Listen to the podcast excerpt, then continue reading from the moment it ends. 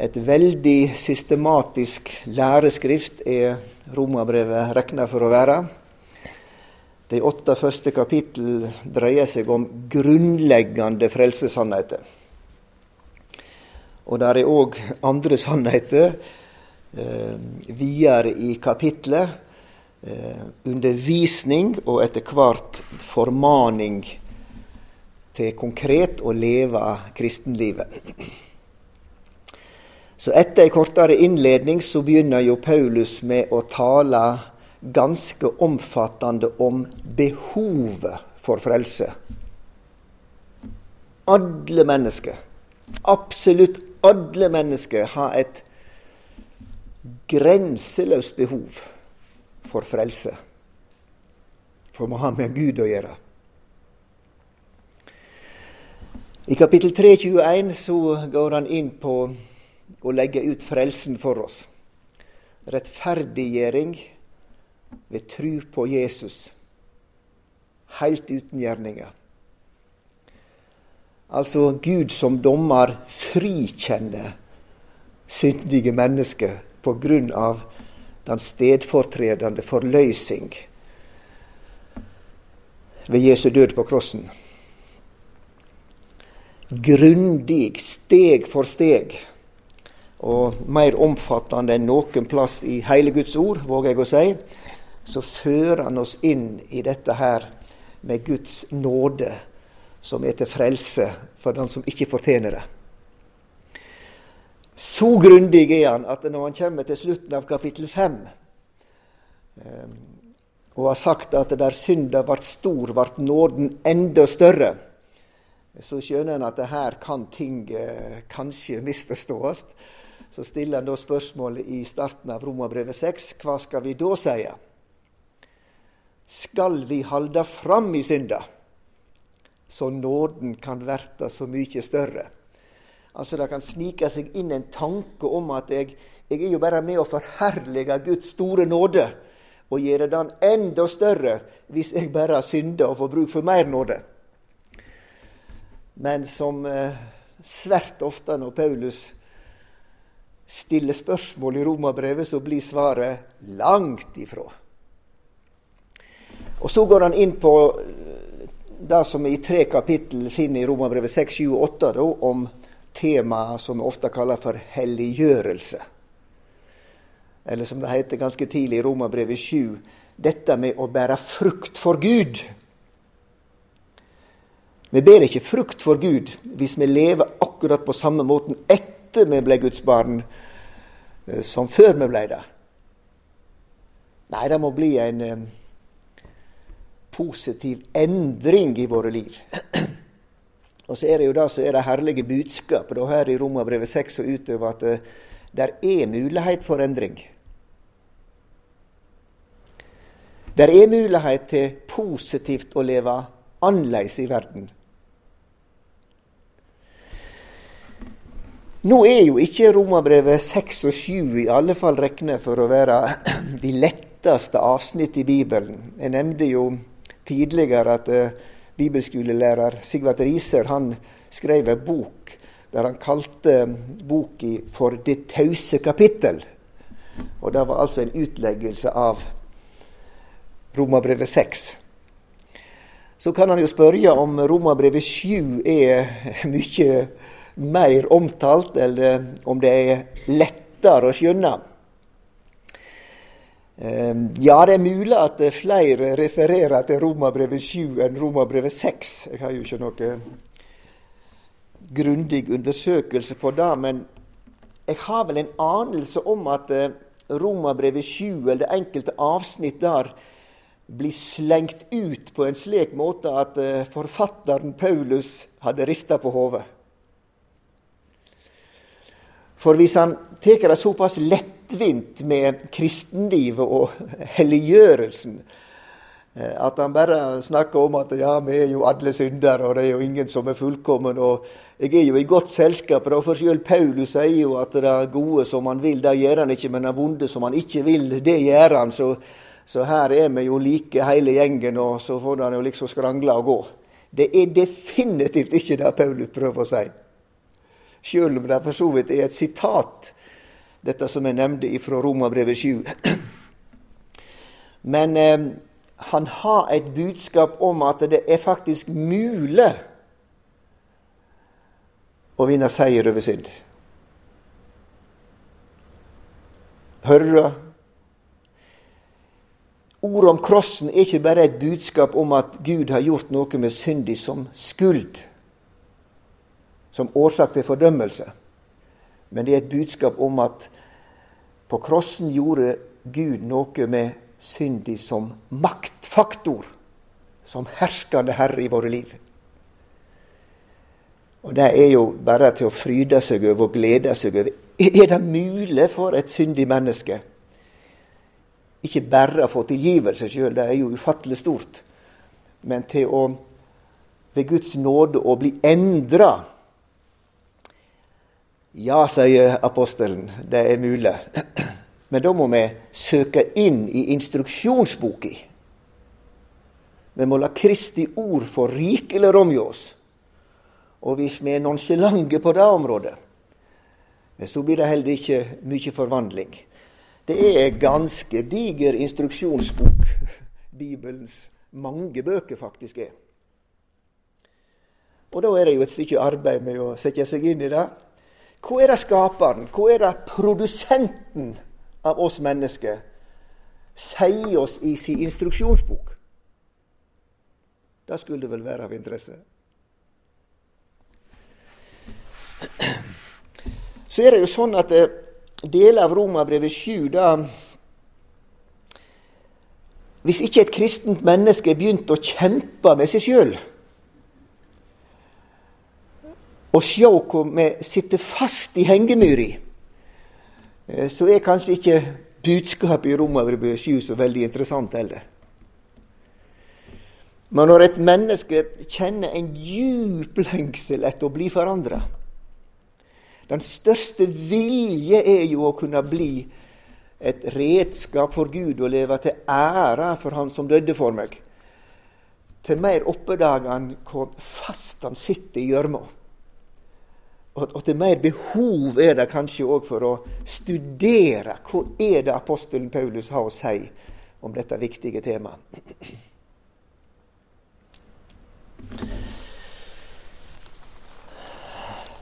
Vi kan jo oppsummere litt til. I kapittel 5 taler Paulus om to stamfedre. Den første Adam og Jesus, som 1. Korinterbrev 15 taler for den siste Adam. En stamfar er jo en person der Gud ser ikke bare den ene, men de mange som utgår ifra denne her. Dette kjenner vi jo godt til ifra Adam det blir ei slekt, det blir ei ett. Og det som skjedde med Adam i hans fall, det får konsekvenser for de mange. Og så har Gud satt inn en ny stamfar, og det som skjedde ved hans liv og stedfortredende død, det får òg betydning for de mange. I Romabrevet 6 der er det snakk om to herskere. To som vil være herrer og bestemme i våre liv. Det er for det første syndig, som ikke her er omtalt som skuld, men som ei herskermakt. Og for det andre så er det nåden i Kristus.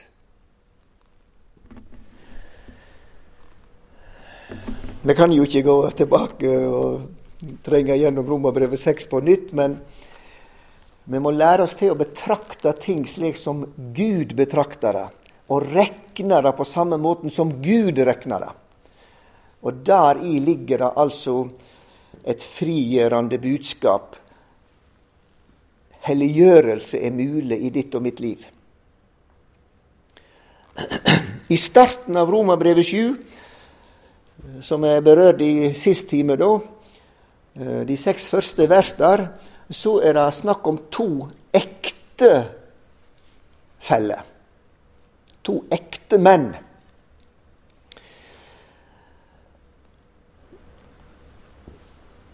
For det første så er det et ekteskap med loven. Det er et ulykkelig ekteskap. Paulus bruker jo et bilde. Den gifte kvinne er ved loven bunden til sin mann så lenge han lever. Men når døden adskiller, så er du ikke ei horkvinne eller en horkarl om du gifter deg på nytt. Og Så vil jo vi spørre er Guds lov død. Det er jo det første som spretter opp i vår tanke. Nei, på ingen som helst måte. Det er jeg som er død. Det er du som er død når du kom til tro på Jesus. I Guds regnemåte så døde jeg og du i vår stamfar. Krossfest, død og begravd. Gud er helligdom, har avslutta det hele. Men han reiste oss òg opp i vår Adam for å leve et nytt liv. Så er det jo slik at eh, det er jo jeg som dør, da. Så det blir jo litt merkelig bilde, dette her. Ehm, så det er jo den som dør, som er fri til å gifte seg på nytt igjen. Det er jo ikke sånn i, i livet her på jord. Men i denne åndelige sammenheng så er det slik at nå er jeg forent med den himmelske brudgom. Her er det snakk om et lykkelig ekteskap, i motsetning til det første. Så slik sett så er han fri ifra loven. Det må ikke misforstås slik at det er det som er budskapet om et godt liv, og ikke stjele og ikke lyge og ikke ha, ha sex som strider imot Guds ord, at, alt dette her er uvesentlig. Det er ikke det det er snakk om. Men dette her kravet, dette budet, denne pisken Du skal, du skal ikke. Det er vi fri ifra. Og så leser vi da hvordan Paulus dveler ved dette her litt i Vi kan lese vers 7-13 i første omgang. Det er naturlig å dele eh, resten av Romerbrevet 7 i to avsnitt. Hva skal vi da seie? Er lova synd? Langt ifra. Vi kjenner svaret hans. Altså. Men jeg kjente ikke synda utan gjennom lova. For jeg hadde ikke kjent lysta dersom ikke lova hadde sagt du skal ikke lysta. Men synda nytta seg av boet, og vekte alle slag lyster i meg. For uten lov er synda død. Jeg levde en gang uten lov men da boet kom, livna synda til. Men jeg døde. Og det synte seg at boet som skulle være til liv, det vart til død for meg. For synda nytta seg av boet, og dåra og drap meg ved det. Så er da lova heilag og både heilagt og rettferdig og godt. Har da altså det som er godt, valda meg døden? Langt ifra.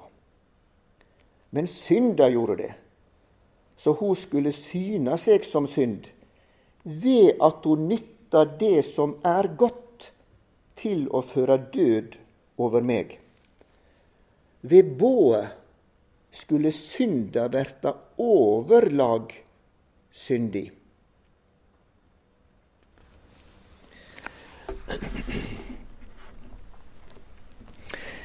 Det er kanskje overraskende parhester som vi finner her i Romabrevet 7 og andre plasser i Det nye testamentet. Når to hester går i spann det har jo sammen med okser òg. F.eks. når du skal pløye eller dra ei tung vogn, så eh, vil en jo ofte sette sammen to som fungerer til en viss grad sammen. Og når jeg snakker om parhester, synder og lover ut ifra dette her, så er jo det noe som overrasker oss. Det er jo to helt forskjellige ting. Guds lov gitt på Sinøyberget etter israelsfolket var kommet ut av slaveriet i Egypt. Og syndig, den som kom inn i verden ved Adams fall, og som har bredt seg utover. Så, så kloden vår er jo ikke akkurat fantastisk bra. Sjøl etter at vi har fått prøvd å leve sammen som mennesker i mange tusen år, så, så er det jo ikke verdenssituasjonen veldig god. Synda og lova. Jeg vil bare gjenta litt av det vi nettopp leser, så du ser hvordan han knytter disse to ting sammen. De som i utgangspunktet skulle være så ulike.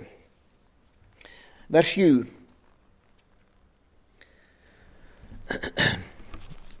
Eg kjende ikkje synda utan gjennom lova. Jeg kjente ikke synda utan gjennom lova. Og videre der i vers 7. For jeg hadde ikke kjent lysta dersom ikke lova hadde sagt du skal ikke lysta. Så synd og lyst er veldig knytta sammen med Guds lov her. Vers 11. For synda nytta seg av bået. Og dåra og drap meg ved det. Ved loven så ble dette, denne dåring og død bringa inn. Vers 13. Vi kan jo lese fra starten. Har da altså det som er godt, altså lova, valda meg døden langt ifrå, men synda gjorde det, så hun skulle syne seg som synd ved at hun nytta det som er godt, altså loven, til å føre død over meg. Og videre òg her i slutten av vers 13. Ved bået skulle synda verta overlag syndig. Vi kan jo gå tilbake til Romerbrevet 3, 19 og 20, så, så, er det jo absolutt ting som er berørt tidligere i brevet òg. Og han berører det andre plasser i sine brev. 3, 19 og 20. Men vi veit at alt det lova sier, det taler hun til dei som er under lova, så hver munn skal verte attlaten. Mennesket skal få en lukka munn. Og heile verda verta skuldig for Gud. Difor vert inkje kjøt rettferdiggjort for Han ved lovgjerningar. For ved lova kjem ein til å kjenne synda. Dette er jo veldig overraskende for de fleste mennesker, men definitivt ikke for Gud. Han visste hva han gjorde når han førte inn en periode, lovens tid. Det skulle aldri være slik tenkt ifra Guds side at det her skal det jødiske folk bli frelst ved loven. Men det skulle vise både for jøder og for hele verden at dette her fører ikke fram til fellesskap med Gud, til at vi blir erklært rettferdige. Det hadde en annen funksjon. Syndig kunne benytte seg av dette her for virkelig å bli stor og skremmende, forskrekkelig, så mennesket skulle bli dreven til Kristus, som er svaret.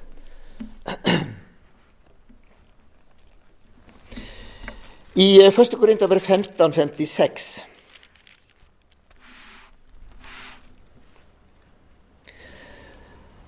Brodden i døden er synda. Og krafta i synda er lova. Det er litt overraskende, da. At det Guds hellige lov er kraftig i syndig. Ja, for hadde ikke loven sagt 'du skal ikke lyste eller begjære', så hadde ikke dette her begjæret blitt vakt i oss. Nei, det er jo noe med at hvis du har laga julekake en god stund før jul, og du setter det opp i bokser og sier til smårollingen at eh, 'dette har vi ikke lov å smake før det blir jul', til mer du minner om at dette har ikke med lov å smake, til mer frista blir smårollingen til å løfte på lokket i alle fall. Han kan jo kikke på det i alle fall.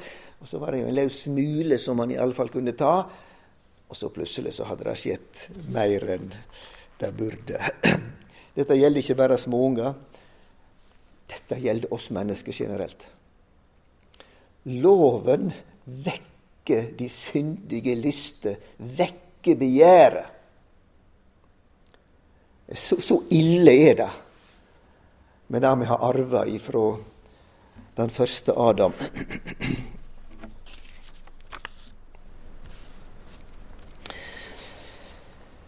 Dette avsnittet som vi nå eh, holder på med fra eh, Romerbrevet 7.7 til 13, det er jo et budskap om at loven er like fullkommen som Gud sjøl. Men vår synd den gjør at det er umulig for loven å hjelpe oss til å bli rettferdige for Gud.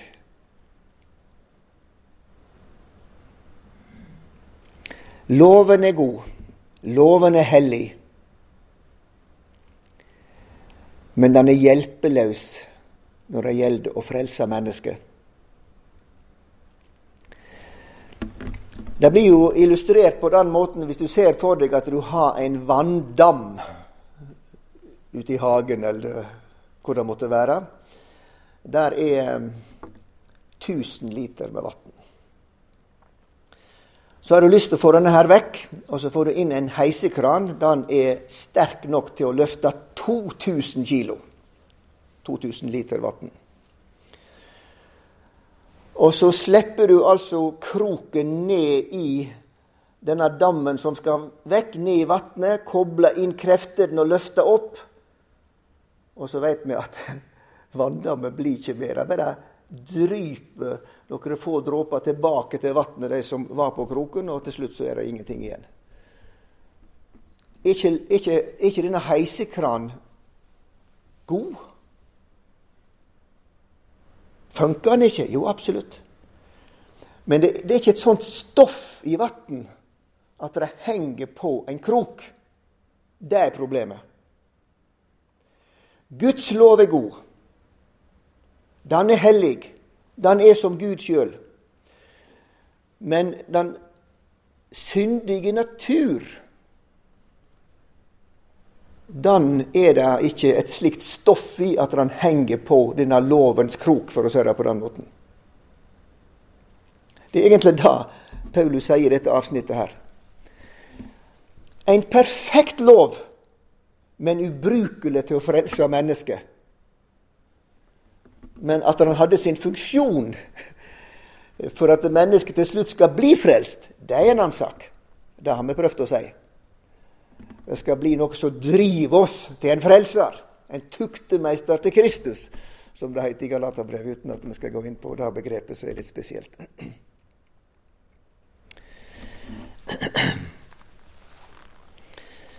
Når det gjelder siste del her av Romabrevet 7,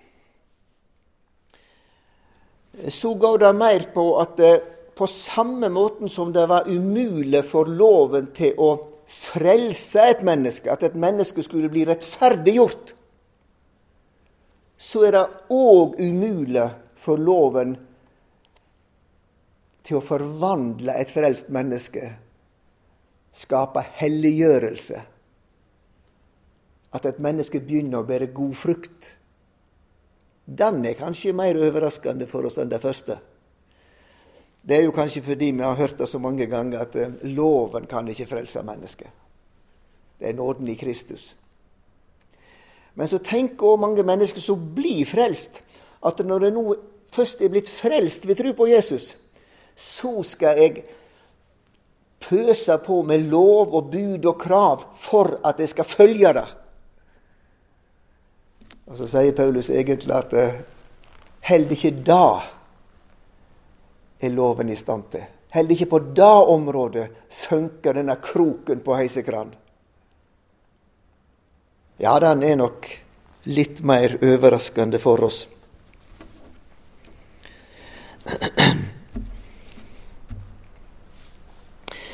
Nå er det jo utvilsomt slik med store deler av bibelavsnitt, og ikke minst kanskje her i Romerbrevet 7, at um, ulike bibellesere, teologer, uh, ser saker og ting uh, på litt forskjellig måte. Um, og jeg har sett meg inn i litt forskjellige måter å se det på, men jeg har brukt en god del Øyvind Andersen sin romerbrevskommentar, og jeg har lest eh, Adolf Bjerkreim sin eh, kommentar eh, til, til romerbrevet. Og jeg mener, selv om de ikke nødvendigvis er prikklike i alt, og kanskje folk har trodd de har større avstand enn de faktisk har, i sak så opplever jeg at de står veldig nær hverandre. Litt ulike begrep kanskje, men første del her, det er uttrykt i fortid. Det dreier seg om hvordan Paulus, og for så vidt andre, som ufrelste blei frelst. Ikke ved loven, men ved tro på Jesus. Så går Paulus i vers 14 over til å tale i presens. Så både formen av verbet og for så vidt òg innholdet i de to avsnitt eh, mener jeg bestemt peker i retning av at eh, Først taler han om at loven kunne ikke hjelpe noen til å bli en kristen.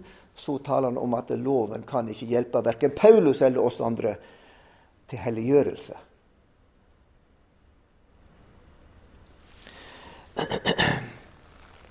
Vi leser fra vers 14.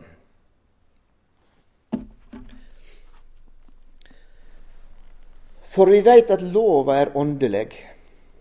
Jeg derimot er kjøtleg seld til trel under synda.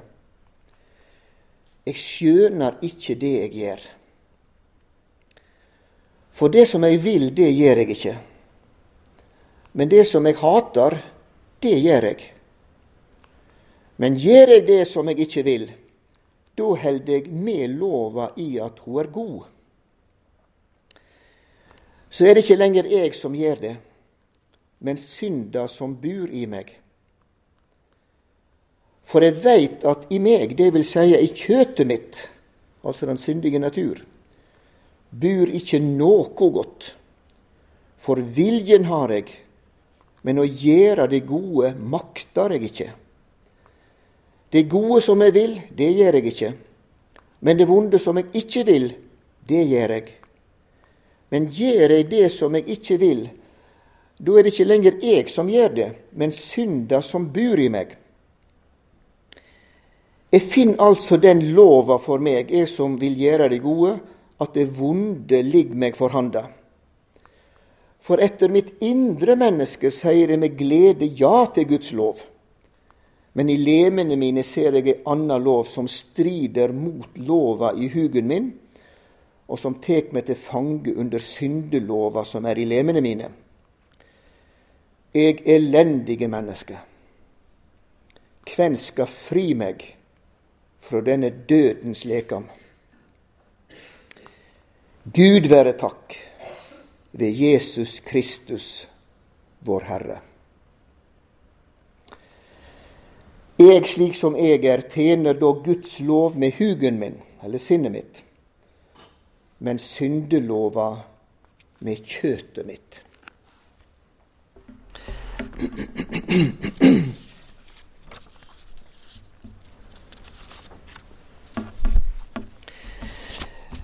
Det som dette avsnittet viser med tydelighet, det er at eh, i en kristen er det to naturer. Uh, to vidt forskjellige naturer, krefter, lengsler. Når et menneske blir født på nytt, som Jesus taler med Nikodemus om i Johannes 3, Eh, så blir det et nytt sinn. Og Peter skriver om at vi har fått del i guddommelig natur. Det er noe helt annet enn det som vi har arva ifra Adam. Vi ser jo hvordan David skriver i Salme 51, denne her sterke botssalmen etter hans forferdelige fall, dobbeltfall. Hvordan hans mor har avla han i synd. Han er født i misgjerning. Det er ikke bare enkelt synde, men det er, det er noe med sjølve naturen i ethvert menneske i Adams slekt.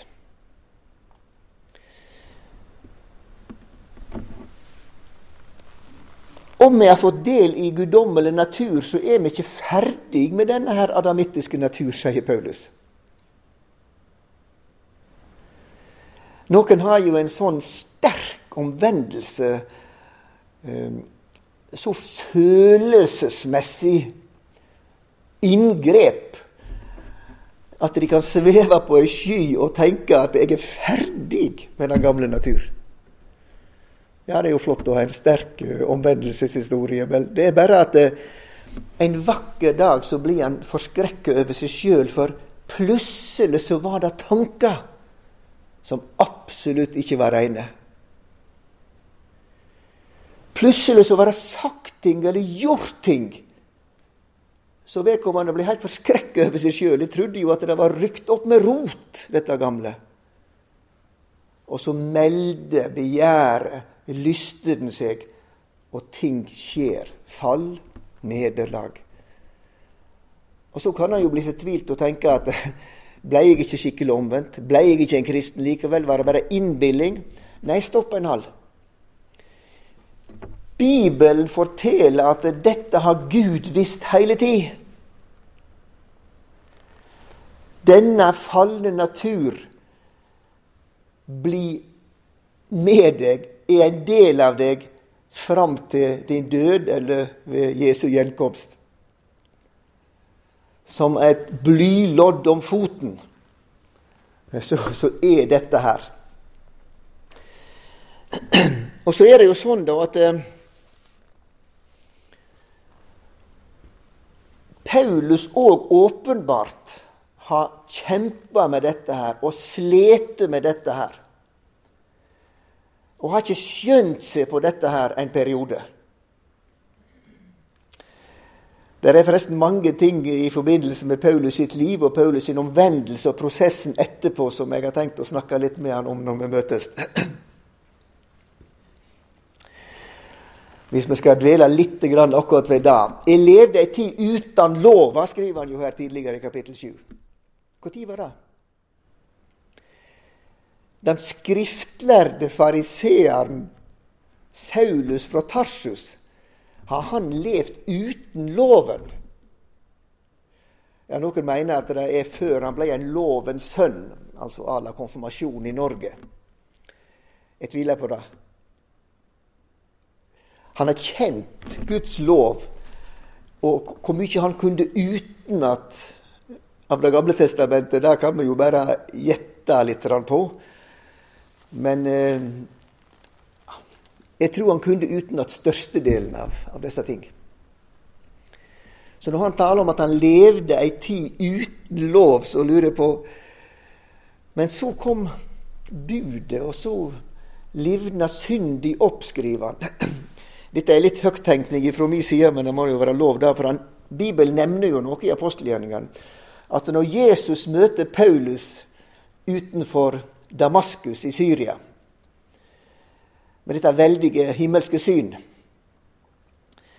Eh, så er han jo tre dager uh, i en verden som er vanskelig kan forestille oss, før Ananias kommer til han og sier Stå opp og la deg døype. Hvorfor nøler du? og så videre. Og jeg har, tenkt, jeg har, ikke tenkt så mye på det tidligere, men jeg har tenkt litt på det nå uh, siste tiden. Hva skjer i Paulus sitt indre i disse tre døgn? Da tror jeg at det er tikk, tikk, tikk, tikk, tikk, tikk, tikk, kontinuerlig. Så det, så det føles sikkert som et hav av tid. Jeg husker en av elektrikerne som var med og bygde huset vårt på Bildøy. Han fortalte at en dag på jobben så um, kommer det en bil over i hans kjørebane. Og han så for seg at livet ble slutt. Og, og, i løpet av den korte tiden så, så kjørte hele livet hans revy, sier han. Jeg har hørt flere ha sagt noe lignende.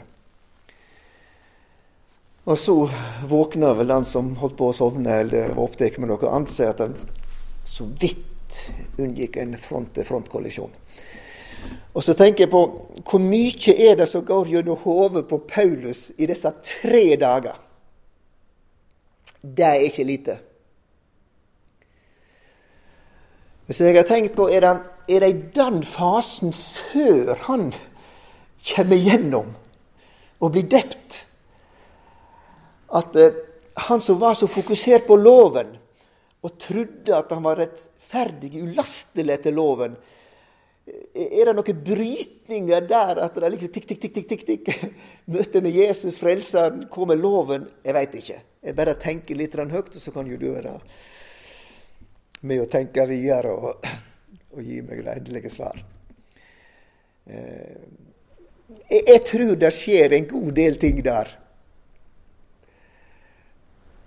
Der han kanskje òg ser at syndig er der, og at han ikke makter å fri seg ifra syndig og holde loven når det gjelder hans hjerteforhold til Gud. Og så vet vi jo at han eh, hadde lang tid før han var klar for å bli misjonær. Han drog jo til ørkenområdet i Arabia, og eh, det ser ut til å være lang tid. Så det er mange ting Gud må eh, jobbe med han før han er virkelig klar, selv om han begynner jo å vitne med en gang og rent målbart jødene når han beviste at Jesus var deres Messias, Guds sønn. Men eh, det er jo en, en, prosess der han helt klart må arbeide intenst med disse vanskelige ting for en skriftlig fariseer. Dette går jo litt på det andre avsnittet som vi berørte i Romerbrevet 7. Eh, og så er det jo en fortsettelse etter at han er kommet igjennom til liv i Gud, for å si det på den måten. Eh, der han eh, åpenbart jobber med helliggjørelsen.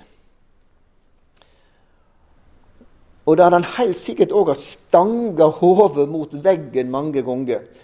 Og, og, og Samme hva han løfter fram for seg Guds vilje for menneskelivet i loven, så kjenner han at det, selv om han veit hva som er Guds vilje, selv om han kjenner Guds bud, så gjør han det motsatte.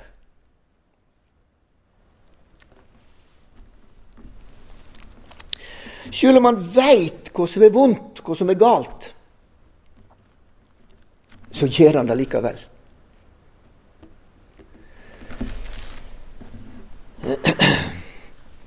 Jeg syns Øyvind Andersen oppsummerer dette her meget presist og bra. For det er lett å tenke at Paulus kom ikke lenger. Det var liksom eh, til høyre og venstre i bobbene og hele livet. Kom aldri liksom i den rette linja. Det strir mot andre deler av Paulus sitt vitnesbyrd. Slik uttrykker Øyvind Andersen det i forbindelse med kommentaren til Romerbrevet 7. Men la oss ha det klart en gang for alle.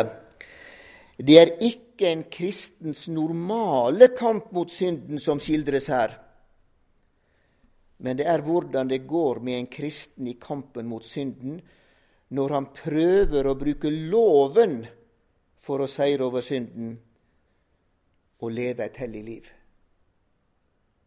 Er du med på den?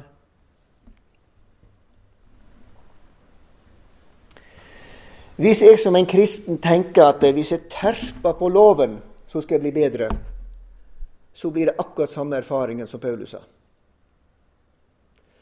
Men det er ikke det normale kristenliv, slik som Bibelen underviser oss.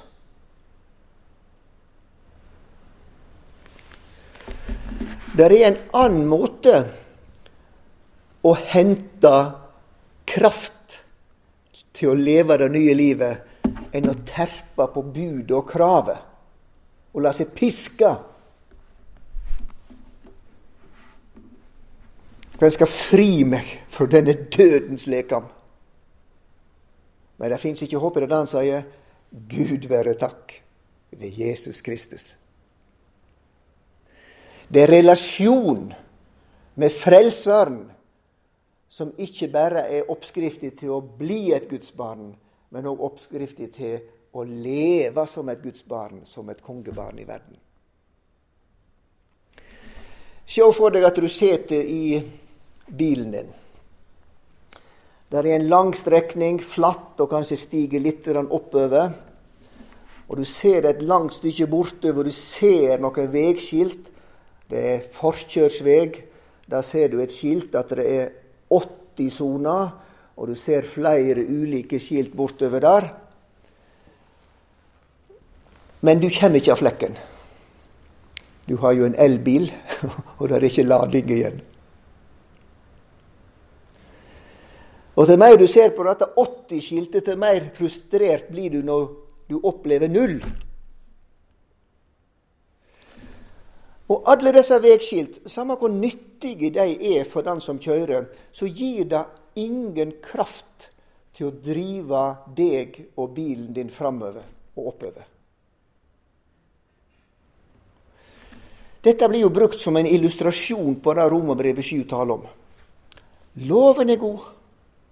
Det er ikke noe feil med den i seg sjøl men den gir ingen kraft til å leve det nye livet, som den heller ikke ga kraft til frelse.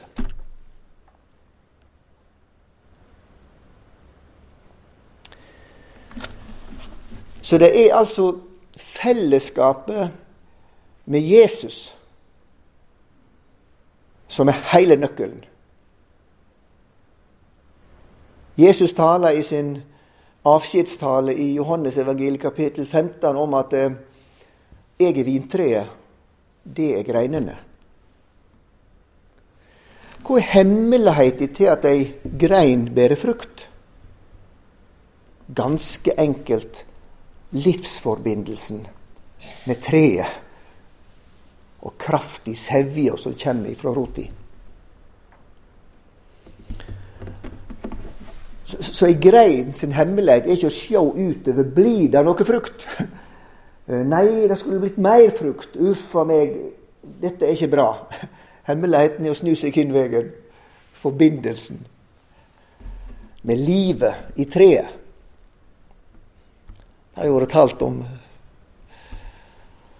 dette avsnittet flere ganger her i forsamlingen vår. For uten meg kan det ingenting gjøre. Det er ganske radikalt budskap.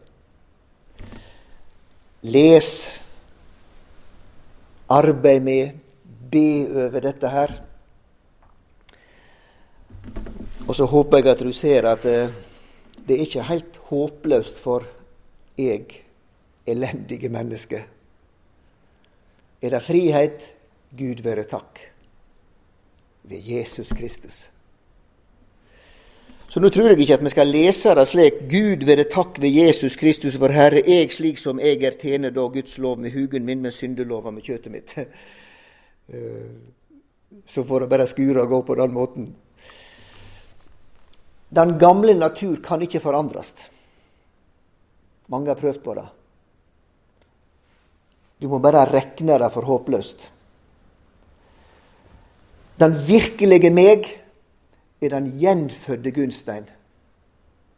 Det er det jeg skal rekne for den egentlige meg. Der har jeg fått en ny lengsel, en ny vilje.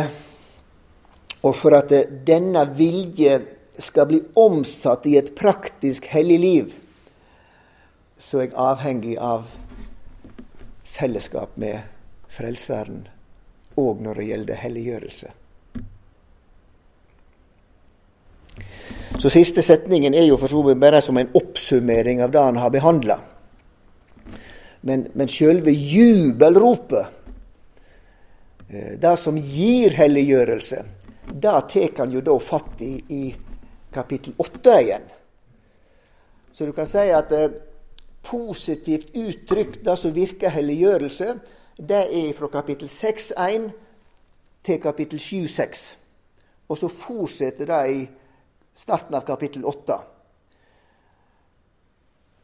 Men for å hjelpe oss til å skjønne hva som ikke virker helliggjørelse, så kjører Paulus altså inn et lengre avsnitt i Romerbrevet 7.7-25.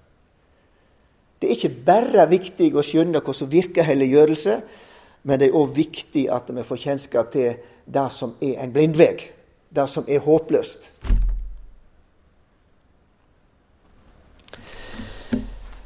Paulus sier mange ganger 'Vert mine etterfølgere', det òg. Jeg kan nevne 1. Korinterbrev 4,16, Filippabrevet 3,17, 2. Tessalonikabrev 3,7 og mer. Vert mine etterfølgere, det òg. Han kan jo ikke si det hvis det er gode som han vil, det gjør han ikke og det vonde som han ikke vil, det gjør han. Og så sier han, bli mine etterfølgere, det òg. Gjør det vonde som de ikke vil. Utelat det gode som de vil. Men vi må jo lese hele Paulus sitt vitnesbyrd. Det vil si at uh, dette her som han har stanga hodet mot så lenge, da han, han har funnet ei løysing, han har funnet et svar Lovens pisk er ikke svaret. Nåden i Kristus, relasjonen med Jesus, fellesskapet med den oppstandende, der ligger svaret. Og så ble han forvandla og gjorde helt ufattelige ting. Han sier faktisk at 'jeg har gjort mer enn de alle'. Så han er ikke beskjeden engang. Men det er Guds nåde og ikke han sjøl det er han òg tydelig på. Da setter vi strek for denne timen.